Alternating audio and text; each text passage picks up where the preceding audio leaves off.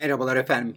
Melatonin deyince siz hemen aklınıza uyku gelenlerdensiniz. Muhtemelen öyle. Fakat işin aslı öyle değil. Melatonin bildiğiniz gibi değil. Oldukça güçlü ve farklı etkileri var. Ve inanıyorum ki siz bunların büyük bir kısmını burada ilk defa göreceksiniz. Biliyorsunuz melatonin epifiz denilen bir bezden salgılanıyor. Beynimizde küçücük bir bez bu. Bazılarına göre sihirli bir bez. Tam olarak ne görev yaptığı konusunda bir takım tereddütler olduğu söylenen bir bez. Ama biz konuyu dağıtmayalım. Epifiz üzerinden direkt melatonine gidelim. Bir kere melatoninin şöyle bir özelliği var. Melatonin aslında bir aminoasitten sentezleniyor. Bu aminoasitin de ismi triptofan. Triptofandan serotonine, oradan melatonine. Tabi serotonin, melatonin bu ikisi birbirine kardeş gibi gözüküyor ve serotonin biliyorsunuz mutluluk hormonu. Bir de melatonin olduğunu düşünürseniz bugün ikisinin arasındaki ilişkiyi gayet rahatlıkla kurabilirsiniz. Biliyorsunuz insanlarda uyku problemlerine bağlı çok sayıda hastalık vardır.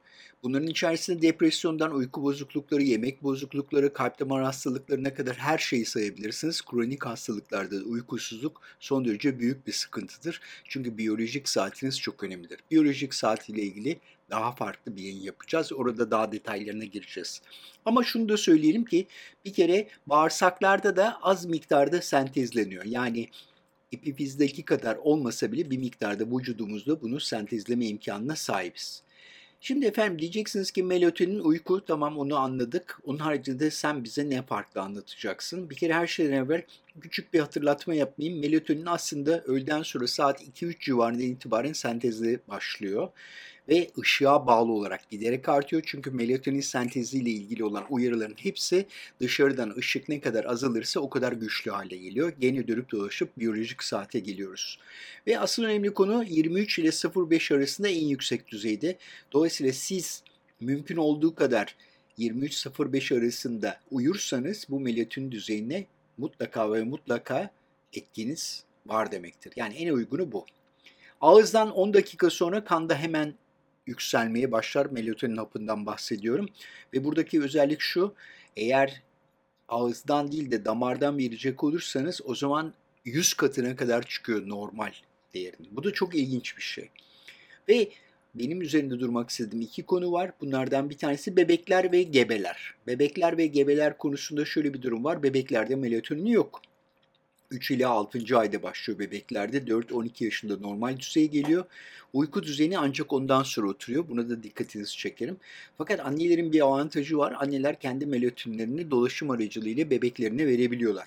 Aynı zamanda anne sütünden de geçiyor. Dolayısıyla bakın iki önemli konu birbiriyle birleşiyor. Yani anne sütünün önemi ne kadar yüksek biliyorsunuz. Bu da onun örneklerinden bir tanesi. Yalnız bir önceki aşamaya geçelim. O da şu. Bakın özellikle melatonin bebekte organ gelişimine etkisi var, yararı var. Organların daha iyi bir şekilde gelişmesini, normal gelişmesini sağlıyor.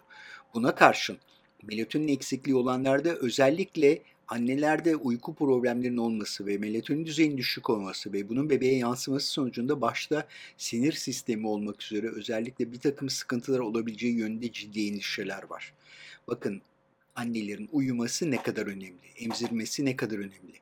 Sadece gebelerin değil, emziren annelerin de ne kadar melatonin açısından desteklenmesi gerektiği ortaya çıkıyor.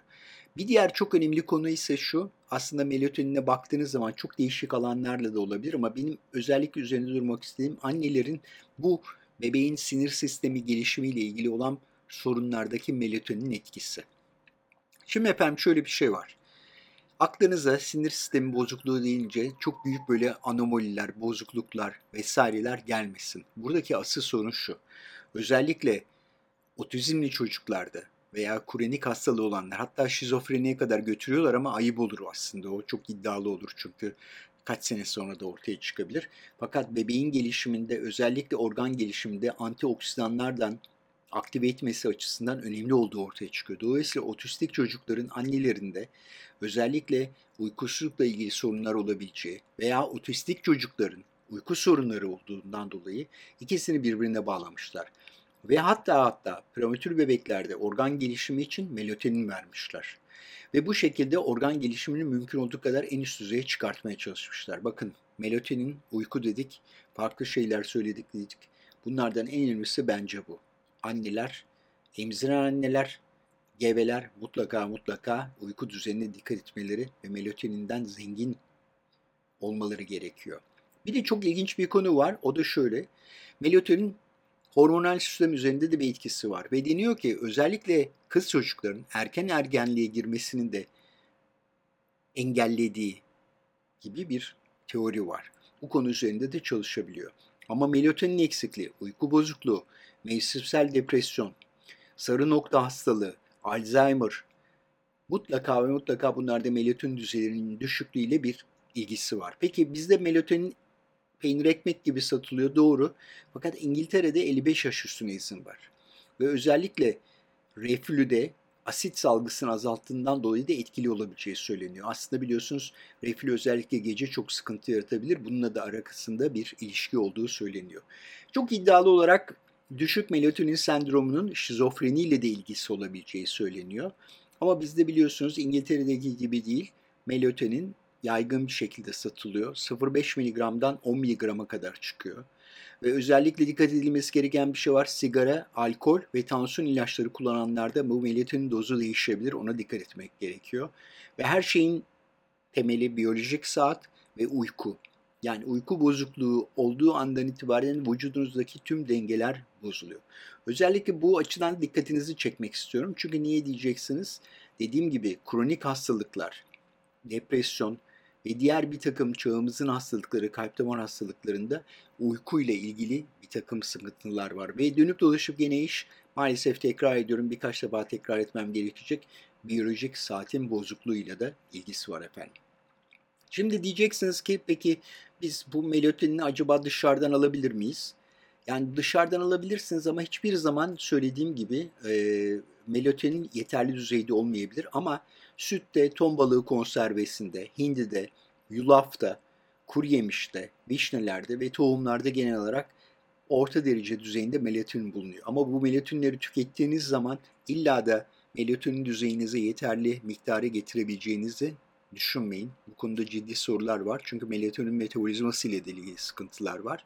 O yüzden melatonin hapını geliştirmişler. Çünkü burada bulunan miktarlarla gerçek düzeyler arasında çok ciddi fark var. Söylediğim gibi yani ağızdan ve damardan alınınca dozu çok yüksek artabiliyor.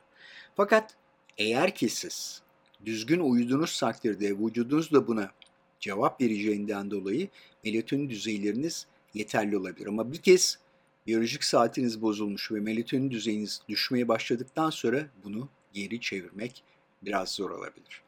Efendim değerli vaktiniz için teşekkür ediyorum. Görüşmek üzere, hoşçakalınız.